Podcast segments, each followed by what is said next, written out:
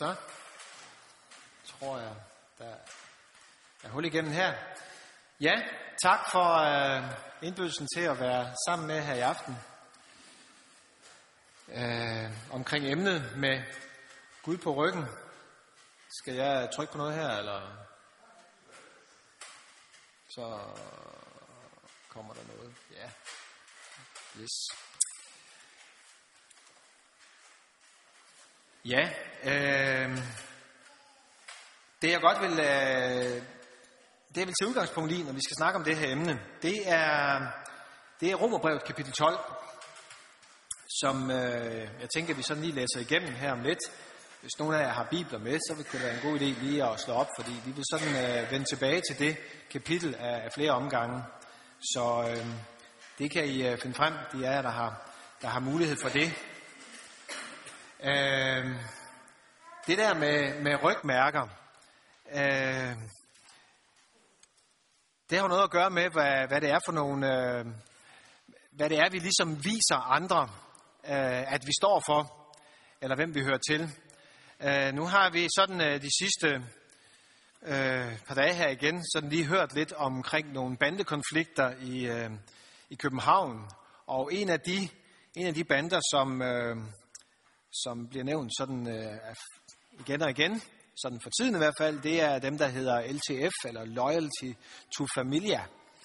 Øh, det står nemlig på deres ryg, øh, og det betyder noget i retning af loyalitet over for familien. Jeg ved ikke rigtig, hvad det er for en familie. Jeg ved heller ikke, jeg tror, det er nok slet ikke nogen bestemt familie, men jeg tror, at de har sådan et kodex, den her bande, om at, at de er som en familie for hinanden. Det vil sige, at man øh, står sammen, og man bakker hinanden op på alle mulige måder. Både med, med ondt og godt. Øh, og derfor så hedder det loyalty to familia. Det har de stående på ryggen for at vise, hvem det er, de, de identificerer sig med. Hvem de er lojale overfor. Hvem det er, de sætter højst. Nemlig deres fællesskab. Det sætter de højere end loven. Det sætter de højere end andre mennesker. Øh, og det går desværre også ud over andre mennesker på forskellige vis. Sådan skal vi selvfølgelig ikke gå rundt med, med den slags øh, prædikater på ryggen, men vi må alligevel godt vise, hvem vi er. Vi har også øh, behov for, også som kristne, at øh, være synlige og tydelige omkring, øh, hvem det er, vi er.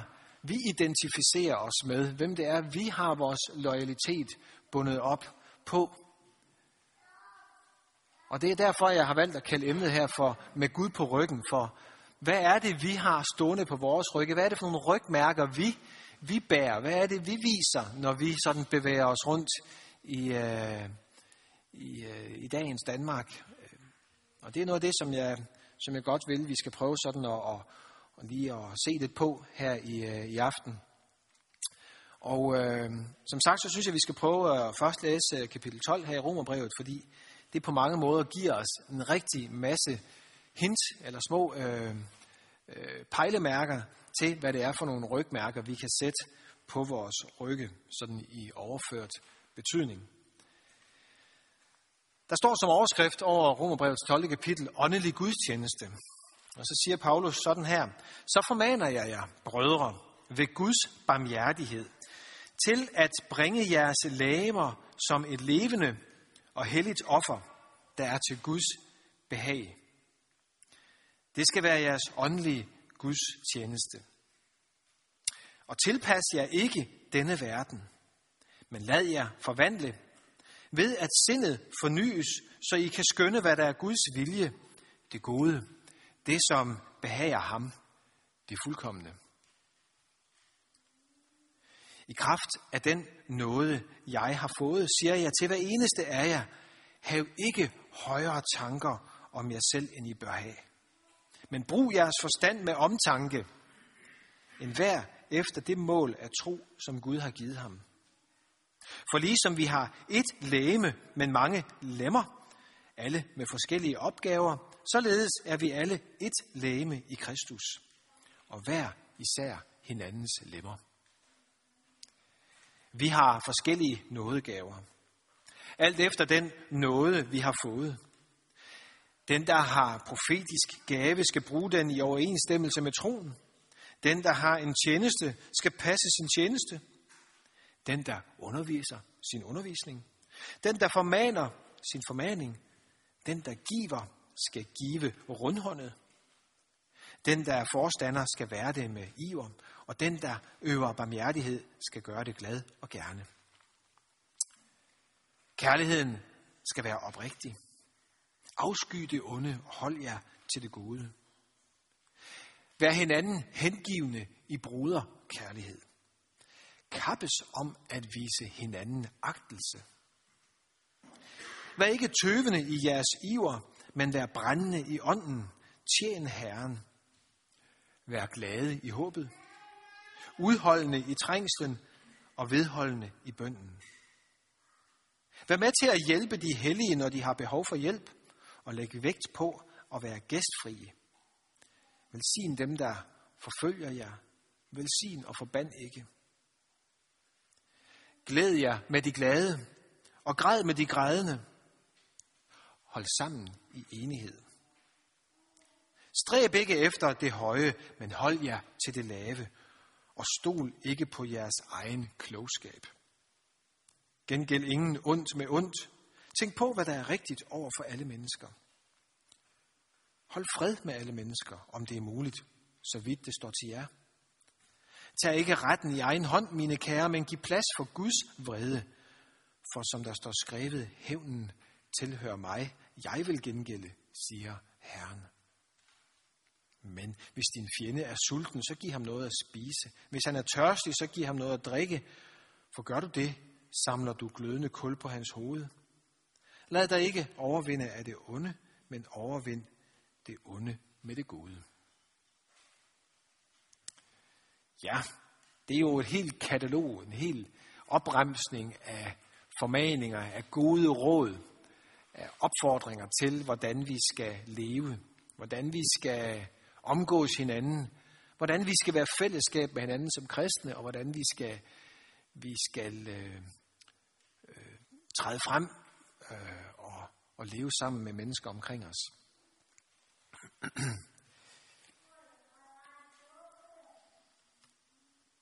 Man kunne godt spørge sig selv, om det dog er nødvendigt sådan i den grad at, at skilte med, at vi er kristne.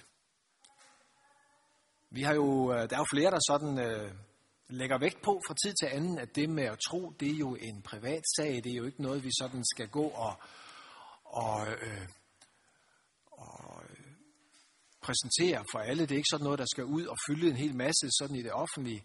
Det må vi godt holde for os selv. Men når min påstand her er, at det, øh, at det har vi faktisk brug for at skal skilte med, så er der i hvert fald tre grunde til det. For det første, så læser vi i uh, Lukas kapitel 12, vers 8, at Jesus han siger, en hver, som kendes ved mig over for mennesker, vil menneskesønnen også kendes ved over for Guds engle. Det er altså en god grund til at skilte med vores tro. At hvis vi vil anerkendes og kendes ved af vores Gud og far i himlen, så har han også en forventning om, at vi vil kendes ved ham over for de mennesker, vi er iblandt.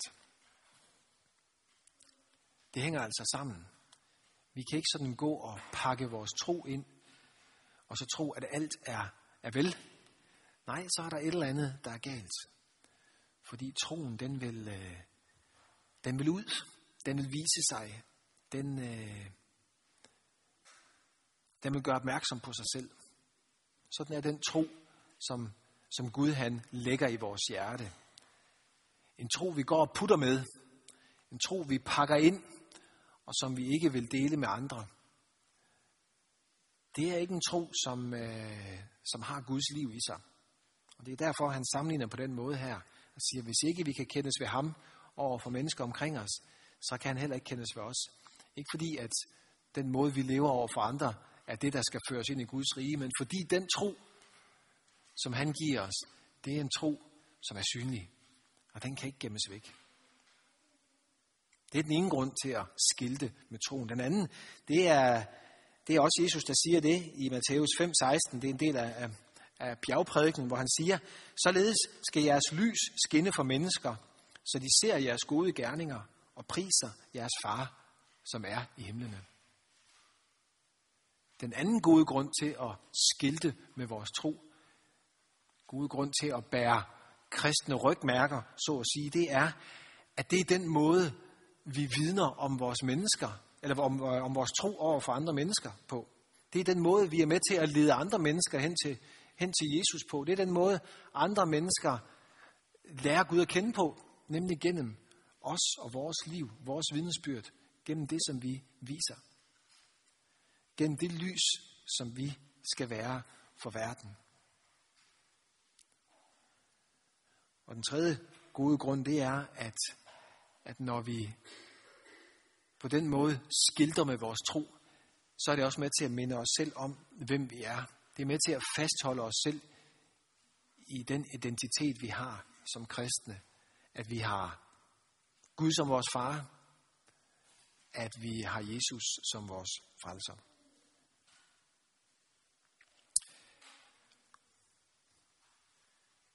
Derfor må vi have Gud på ryggen. Derfor må vi have, have en, en rygmærketro. Og det handler selvfølgelig ikke om, hvad vi har stående på ryggen, men det handler om det, som vi viser, om det, vi lever, om det, som vi, som vi øh, synliggør over for mennesker omkring os og over for hinanden, også i et fællesskab som det her. Hvis vi begynder sådan fra begyndelsen af Romerbrevets 12. kapitel, så står der i, i første vers, så formaner jeg jer brødre ved Guds barmhjertighed til at bringe jeres lægemer som et levende og helligt offer, der er Gud til behag. Det skal være jeres åndelige gudstjeneste. Og det jeg vil gøre nu, sådan når vi bevæger os ned igennem kapitlet, det er ligesom at, at trække et, et ord ud, et rygmærke, så at sige, som jeg tænker, det siger lige lidt om, om det her vers. Det er noget af det, som vi kan, vi kan være, have fokus på. Og det, jeg tænker på med det første vers her, det er, det er mærket afholdenhed. Nu skal vi lige bladre frem til den. Afholdenhed. Det at, at tro på Gud, det øh, kalder os til at leve i en form for afholdenhed. Og med det, der mener jeg, at, at det kalder os til at give afkald på nogle ting i vores liv, for at prioritere noget andet. Det betyder, at der pludselig er nogle andre prioriteringer, som er vigtige. Noget andet, som vi sætter højere end det, vi gjorde, hvis ikke vi troede på Gud.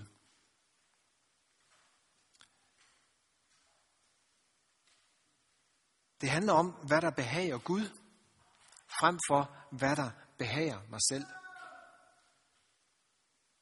Som kristen, der har jeg sat Gud på førstepladsen i mit liv. Der har jeg valgt, at Gud han er den, der skal være der skal, være ret, der skal bestemme retningen for mit liv. Den, der skal bestemme mine prioriteringer. Og overfor det, der må jeg så vælge nogle andre ting fra. Jeg kan ikke have alting stående på førstepladsen i mit liv. Det handler om at sætte Guds vilje over min egen vilje. Og det kan jo handle om mange ting i det praktiske liv. Det kan handle om, hvilket, hvilket job jeg har, eller hvilken, hvilken karriere jeg vælger, hvor jeg bor henne, hvilke fritidsinteresser jeg, jeg fylder mit liv med. Det handler om, hvad jeg køber, hvad jeg ejer, hvilke forpligtelser jeg sætter mig i, hvilke venner jeg har osv. Alle de her ting, det har jo noget at gøre med, hvad er det, jeg prioriterer? Hvad er det, der er vigtigt for mig? Hvad er det, jeg sætter højst? Det kan også handle om, at jeg må gøre op med nogle dårlige vaner i mit liv. Det kan for eksempel være afhængighed af forskellige ting. Det kan være afhængighed af, af spil. Det kan være afhængighed af tv, af porno, af magt, eller alkohol, eller andre laster, som jeg er nødt til at, at arbejde med og give afkald på. Afholde mig fra, fordi jeg gerne vil sætte Gud højest, og gerne vil sætte og gerne vil vedkende mig den standard, som er Guds. Det kan være øh, optagethed af mit ydre. Det, at jeg vil være perfekt. Eller gerne vil have kontrol over alting. Har brug for at altid at skabe et godt billede af mig selv. Der kan være forskellige ting, jeg er nødt til at, at aflægge, give afkald på for at sætte Gud højest i mit liv. Det kan også handle om almindelig nøjsomhed, jo også et begreb, som, som Bibelen bruger mange gange. Om simpelthen at, at sætte mit forbrug ned. Øh, være mere taknemmelig over, hvad jeg har, end at være optaget af alle de ting, jeg ikke har. Det kan også handle om, at der, at der er bestemte synder i mit liv, som jeg er nødt til at, at tage kampen op imod, som jeg er nødt til at bryde med. Det kan være løgn af forskellige art, som jeg på en eller anden måde har spundet mig ind i. Det kan være utroskab.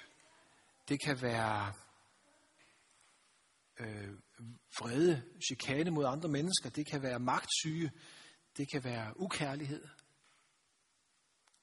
Alle de ting er vi også nødt til at afholde os fra. Det er det, jeg tænker på, når vi ser på begrebet afholdenhed. Der er nogle ting, jeg er nødt til at prioritere ned, for at Gud kan blive stor. For at det kan være tydeligt, hvem Gud han er.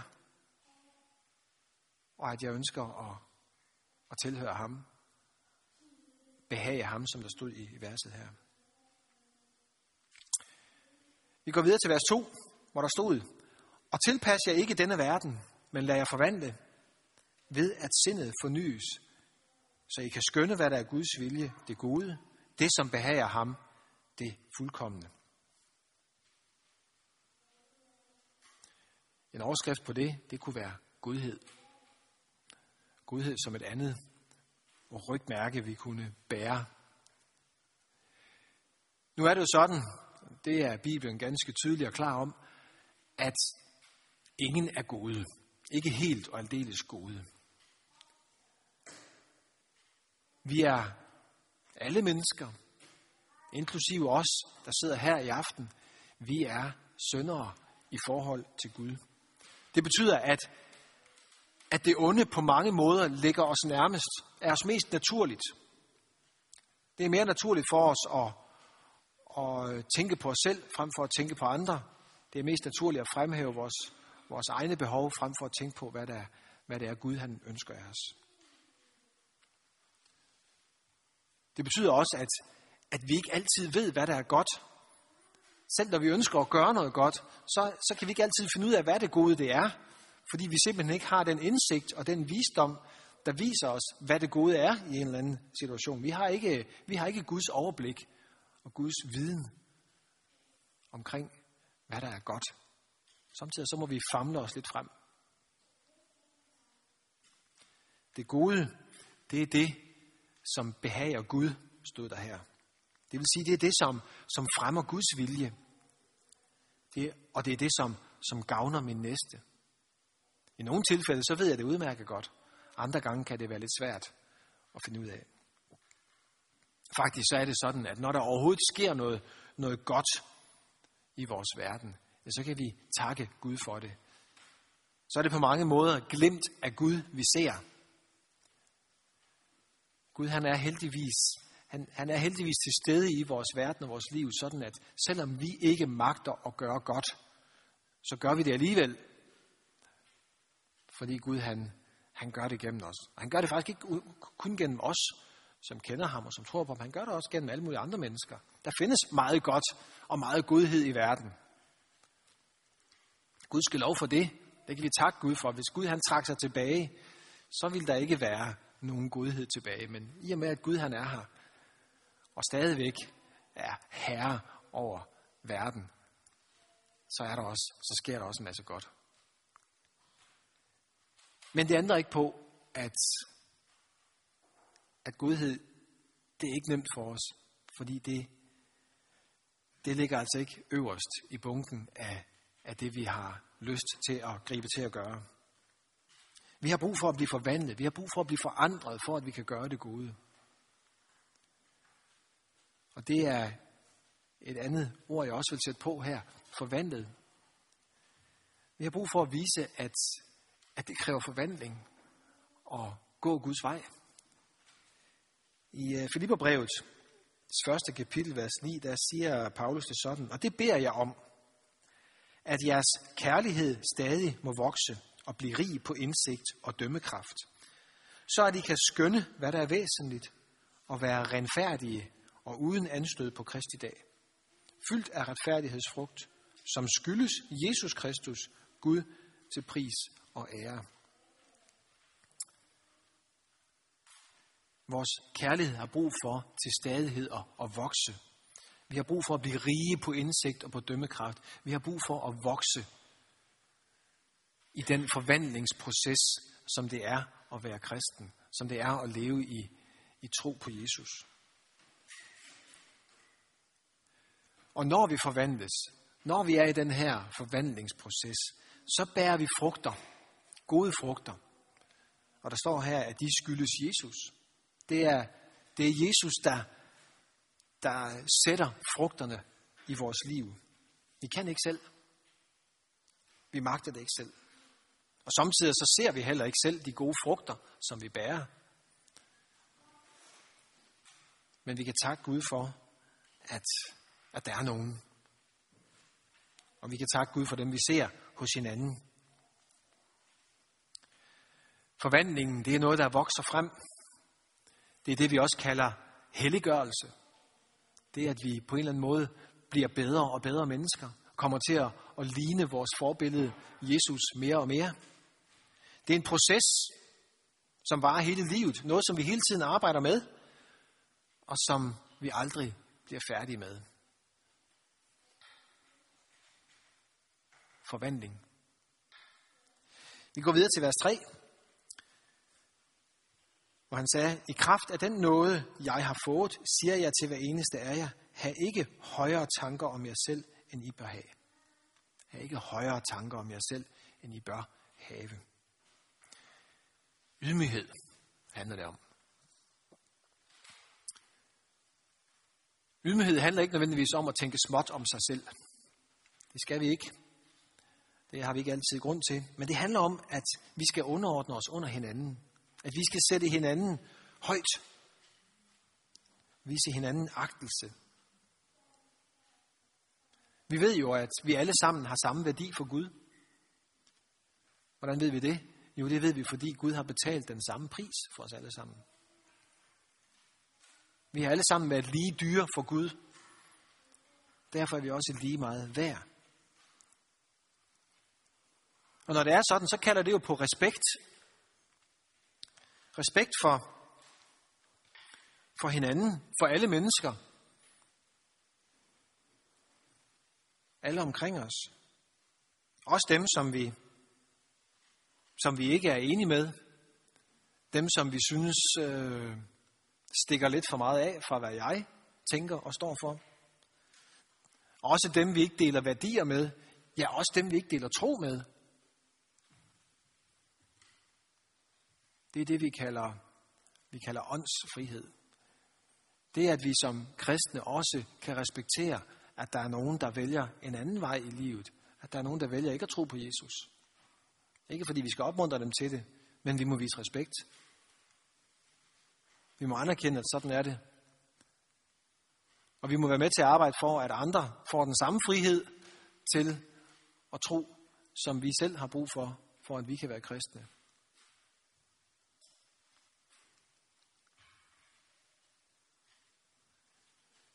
Ydmyghed.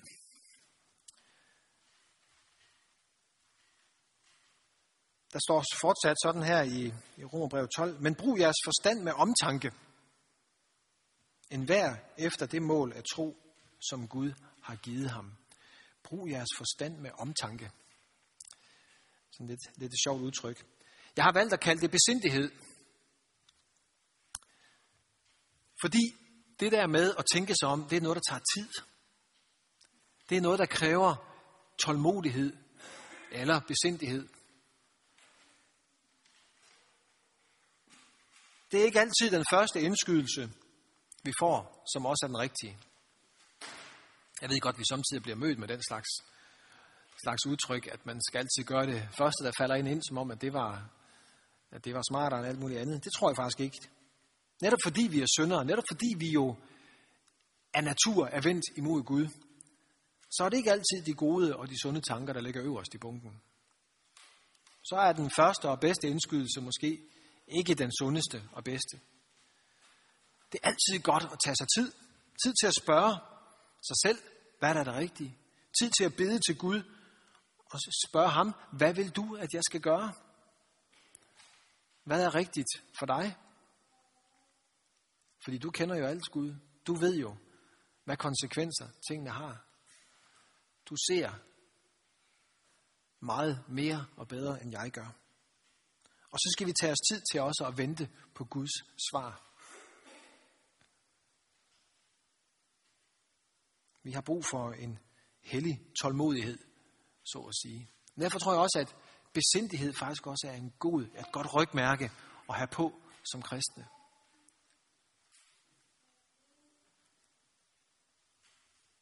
I vers 4 står der, for ligesom vi har et læme, men mange lemmer, og alle med forskellige opgaver, således er vi alle et læme i Kristus, og hver især hinandens lemmer. Det handler om omsorg. Ingen af os lever for os selv, siger Paulus også til romerne om i kapitel 14. Nej, vi lever for Gud, og vi lever for hinanden. Der er ingen af os, der kun lever for os selv. Hvis vi gør det, så har vi misset en vigtig pointe i livet. Og en vigtig pointe i det at være fælles med hinanden. Og Bibelen bruger det her billede, som vi, som vi stod på flere gange i vores Nye Testamente, billedet af lægemet og de mange lemmer. Det, at vi er indbyrdes afhængige af hinanden. Vi er en del af et organisk fællesskab, hvor hver enkelt lem har en unik opgave og en unik plads på lægemet. Og så er det ikke engang et fællesskab, vi selv har valgt. Nej, det er et fællesskab, vi er sat ind i. Ligesom vi ikke selv har valgt vores familie, vores sådan biologiske familie, så vælger vi heller ikke vores kristne fællesskab. Ja, vi kan selvfølgelig vælge, hvor vi vil komme og hvor vi knytter os til, men vi kan ikke sådan gå rundt og vælge, hvem vi sådan vil være fælles med. Vi er fælles med den menighed, vi er en del af. Der er vi sat ind som lemmer på et læme. Og vores plads på det læme hænger sammen med en opgave. Vi har alle sammen opgaver. Vi udfylder alle sammen en bestemt rolle. Og vel at mærke en rolle, som ikke kan undværes. Der er ingen, der kan tænke, mig er der ikke brug for. Og det må vi heller ikke tænke om hinanden eller om andre. At dig er der ikke brug for. Der er nogle opgaver, der er nogle funktioner, som kan synes mindre vigtige. Men strengt talt, så er det ikke op til os at vurdere, hvilke funktioner, der er vigtige. Og det er heller ikke altid noget, vi kan se. Lige så vel som vi ikke altid kan se frugterne, de gode frugter, som, som Jesus sætter i vores liv.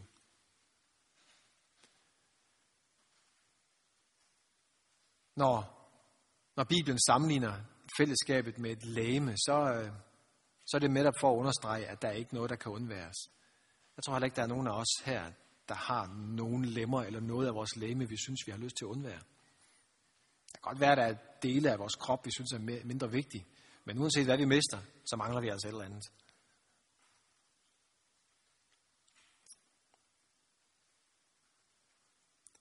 Den indbyrdes omsorg, den handler om, at vi, at vi ser hinanden, at vi er her for hinanden, at vi anerkender hinanden, at vi er trofaste over for hinanden, at vi vil hinanden. Derfor skal vi også have omsorg som et vigtigt rygmærke på os selv. Vi går videre til vers 6, hvor der står, vi har forskellige nådegaver, alt efter den nåde, vi har fået. Den, der har profetisk gave, skal bruge den i overensstemmelse med troen. Den, der har en tjeneste, skal passe sin tjeneste. Den, der underviser sin undervisning. Den, der formaner sin formaning. Den, der giver, skal give rundhåndet. Den, der er forstander, skal være det med iver. Og den, der øver barmhjertighed, skal gøre det glad og gerne. Et oplagt rygmærke her hedder tjeneste. Vores fællesskab er et tjenestefællesskab. Vi er her som sagt for hinanden. Vi har ansvar for hinanden. Vi står i gæld til hinanden. Og hvis vi sådan tager udgangspunkt i det, som Paulus lige sagde her, ja, så er der nogen, der skal, nogen skal forkynde, nogen skal opmuntre, nogen skal vidne og formane. Det kan være den profetiske gave. Nogen skal undervise. Nogen skal være mere rundhåndede og gavmilde end andre. Måske fordi de har fået mere, eller har bedre ved undvær. Nogen skal gå foran og være dem, der leder. Nogen skal være dem, der hjælper og støtter, hvor der er brug for det. Og alle tjenester, uanset hvad det er, er nådegaver, siger han. Det er nådegaver. Det vil sige, det er noget, vi gør som tak for den nåde, Gud har vist os. Og det er noget, vi gør, fordi Gud han har særligt udrustet os til at gøre det. Ordet nådegave er jo egentlig et fantastisk godt udtryk. En nådegave. Nåden er i sig selv en gave, ja, men det er også en tjeneste. Det er også en måde at forvalte vores liv på. Det er en måde at vise vores taknemmelighed på. Det er en måde at ære Gud. Forvalte de evner og de, de muligheder, han har givet os. Og så står der videre, at kærligheden skal være oprigtig. Kærlighed, den sætter vi også på som et vigtigt rygmærke. Kærlighed, det er jo at, at give sig selv for andre, eller for en anden. Og kærlighed rummer på mange måder alle de andre, alle de andre begreber, som vi har været omkring indtil nu her. Tjeneste, ydmyghed og omsorg og godhed. Alt sammen er jo en del af kærligheden, af kærlighedens væsen. Og kærlighed handler grundlæggende om at ville hinanden, eller ville et andet menneske. Meget ofte så taler vi om kærlighed som en, som en følelse, som jeg ikke sådan helt selv er herre over, og som kommer og går, sådan lidt tilfældigt. Men det er ikke sådan, Bibelen taler om kærlighed. Kærlighed, det er noget, jeg vælger. Det er noget, jeg vil. Kærlighed er noget, jeg, jeg gør og viser, fordi jeg har valgt at gøre det.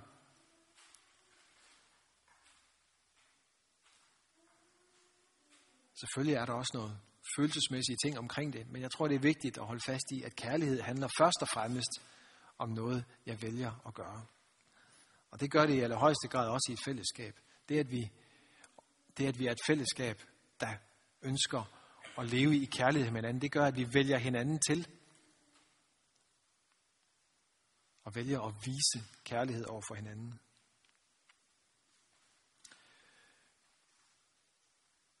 Det næste, der står, det er afsky det onde og hold jer til det gode. Jeg tænker, vi kunne kalde det kæmper. Vi kæmper, fordi livet er en kampplads. Det er en strid mellem det gode og det onde. Det er en krig mellem Gud og Satan. Kamppladsen, eller slagmarken, det er dig og mig. Det er os, der er det. Paulus han siger det sådan til sin gode ven Timotius. Strid troens gode strid. Og det siger han jo netop for at understrege, at der er en kamp, der skal kæmpes. Livet er ikke let, bare fordi vi bare fordi vi tror på Jesus, eller fordi vi er kristne, eller fordi vi er en del af et kristen fællesskab, så betyder det ikke pludselig, at, at tingene er blevet meget, meget lettere. Det kan godt være, at der er nogle ting, der er lettere. Men vi får også der kan også være andre ting, der giver os måske flere bekymringer. I hvert fald, så bliver vi igen og igen mindet om, at vi står i en kamp. En kamp mod, mod det onde. Både det onde inde i os selv, også det onde, som, som vil øh, skyde en kile ind i vores fællesskab og vores menighed. En kamp mod, mod troen. Også i samfundet, som vi er en del af. En kamp for overhovedet at få lov til at at bekende sig som kristen.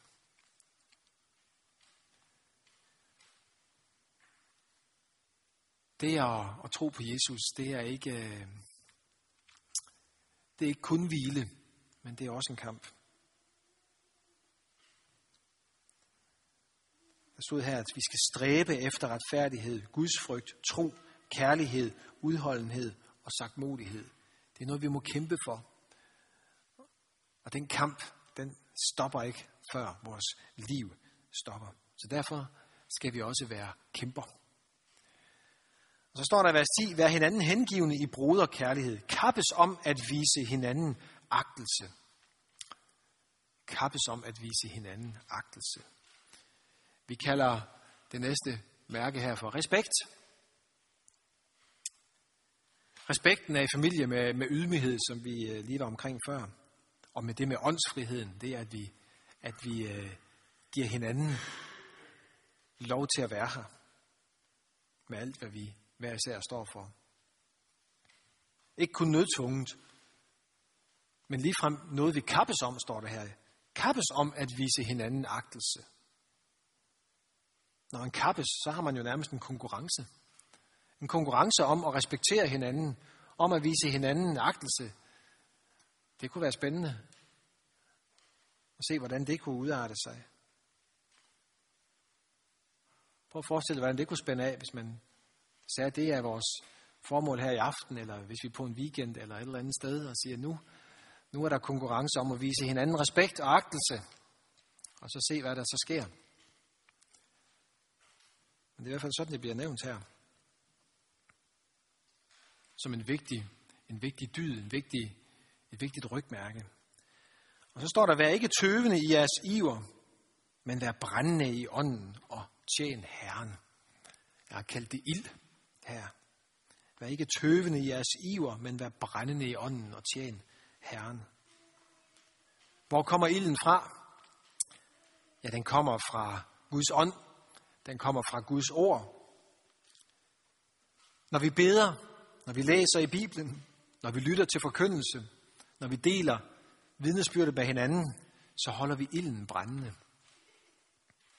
Så holder vi ilden brændende, og det er der brug for, at vi gør. At vi fordyber os i Guds ord, fordyber os i relationen til Gud, og i fællesskab med hinanden om at dele Guds ord.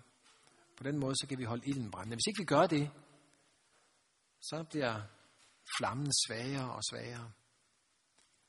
Og så ender vi med, at der ingen ild er. Så står der her, at vi skal være glade i håbet, vi skal være udholdende i trængslen og vedholdende i bønden. Jeg tænker lige mest på ordet glæde her. Glæde, det er jo, når vi oplever lykke. Det er jo de øjeblikke, hvor vi kan fokusere på, på alt det gode, og hvor det onde og det svære ligesom får lov til at forsvinde lidt. Så er det glæden til overhånd, og vi bliver, vi bliver glade. Det er noget, vi kan øve os i. Man kan godt øve sig i at være glad. Øve sig i at fokusere på det gode, på det, som gør godt, på det, som er godt. Både for os selv og for andre. Vær med til også at sprede glæde omkring os. Jeg selvfølgelig ikke altid selv styr på, hvornår vi er glade, men man kan godt alligevel arbejde på at være glade og sprede glæde og have og, hvad skal man sige, have fokus på det, som giver mig glæde. Og på den måde kan vi være med til at, at opbygge glæden. Både hos os selv og i vores fællesskab hos hinanden. Og være med til at hjælpe de hellige, når de har behov for hjælp, står der. Så hjælpsomhed skal vi også have med. Hjælpsomhed, det er jo noget af det, der spreder glæde. Det er jo en af de måder, vi ligesom kan være med til at, at løfte glæden og stemningen i os, når vi hjælper hinanden. Og det handler om at holde øje med hinandens behov.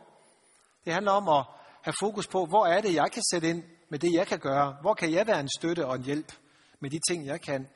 Eller have, prøve at se på, hvem er det, der har brug for, at jeg, jeg byder mig til. Led efter gode anledninger til at hjælpe, til at vise godhed og tilbyde hjælp. For nogle af det måske ligger det lige for og er let. For andre kan det være sværere, men det er noget, vi alle sammen kan. Det er muligt for os alle sammen. Og vi har alle sammen noget, vi kan hjælpe med.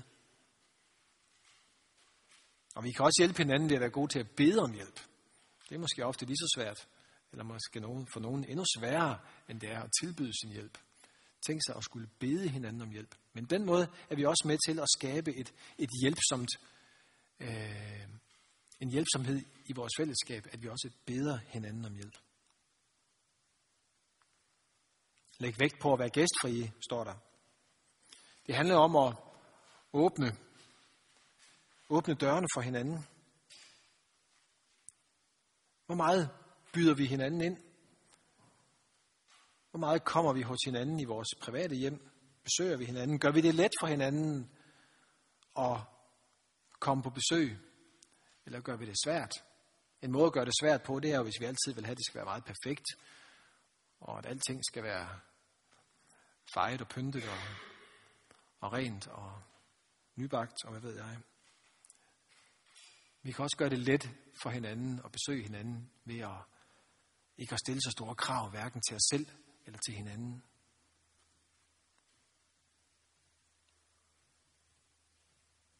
Ja, vi har været igennem en række her. Øh, der kunne godt nævnes mange flere ting herfra. Overbærenhed, empati, sammenhold, retfærdighed osv. Øh, men jeg tror, jeg vil øh, stoppe det her, så bare lige læse de sidste, de sidste vers. Øh, igen, tag ikke retten i egen hånd, mine kære, men giv plads for Guds vrede. For som der står skrevet, hævnen tilhører mig. Jeg vil gengælde, siger Herren. Men hvis din fjende er sulten, så giv ham noget at spise. Og hvis han er tørstig, så giv ham noget at drikke. For gør du det, så samler du glødende kul på hans hoved. Lad dig ikke overvinde af det onde, men overvind det onde med det gode. Vær god.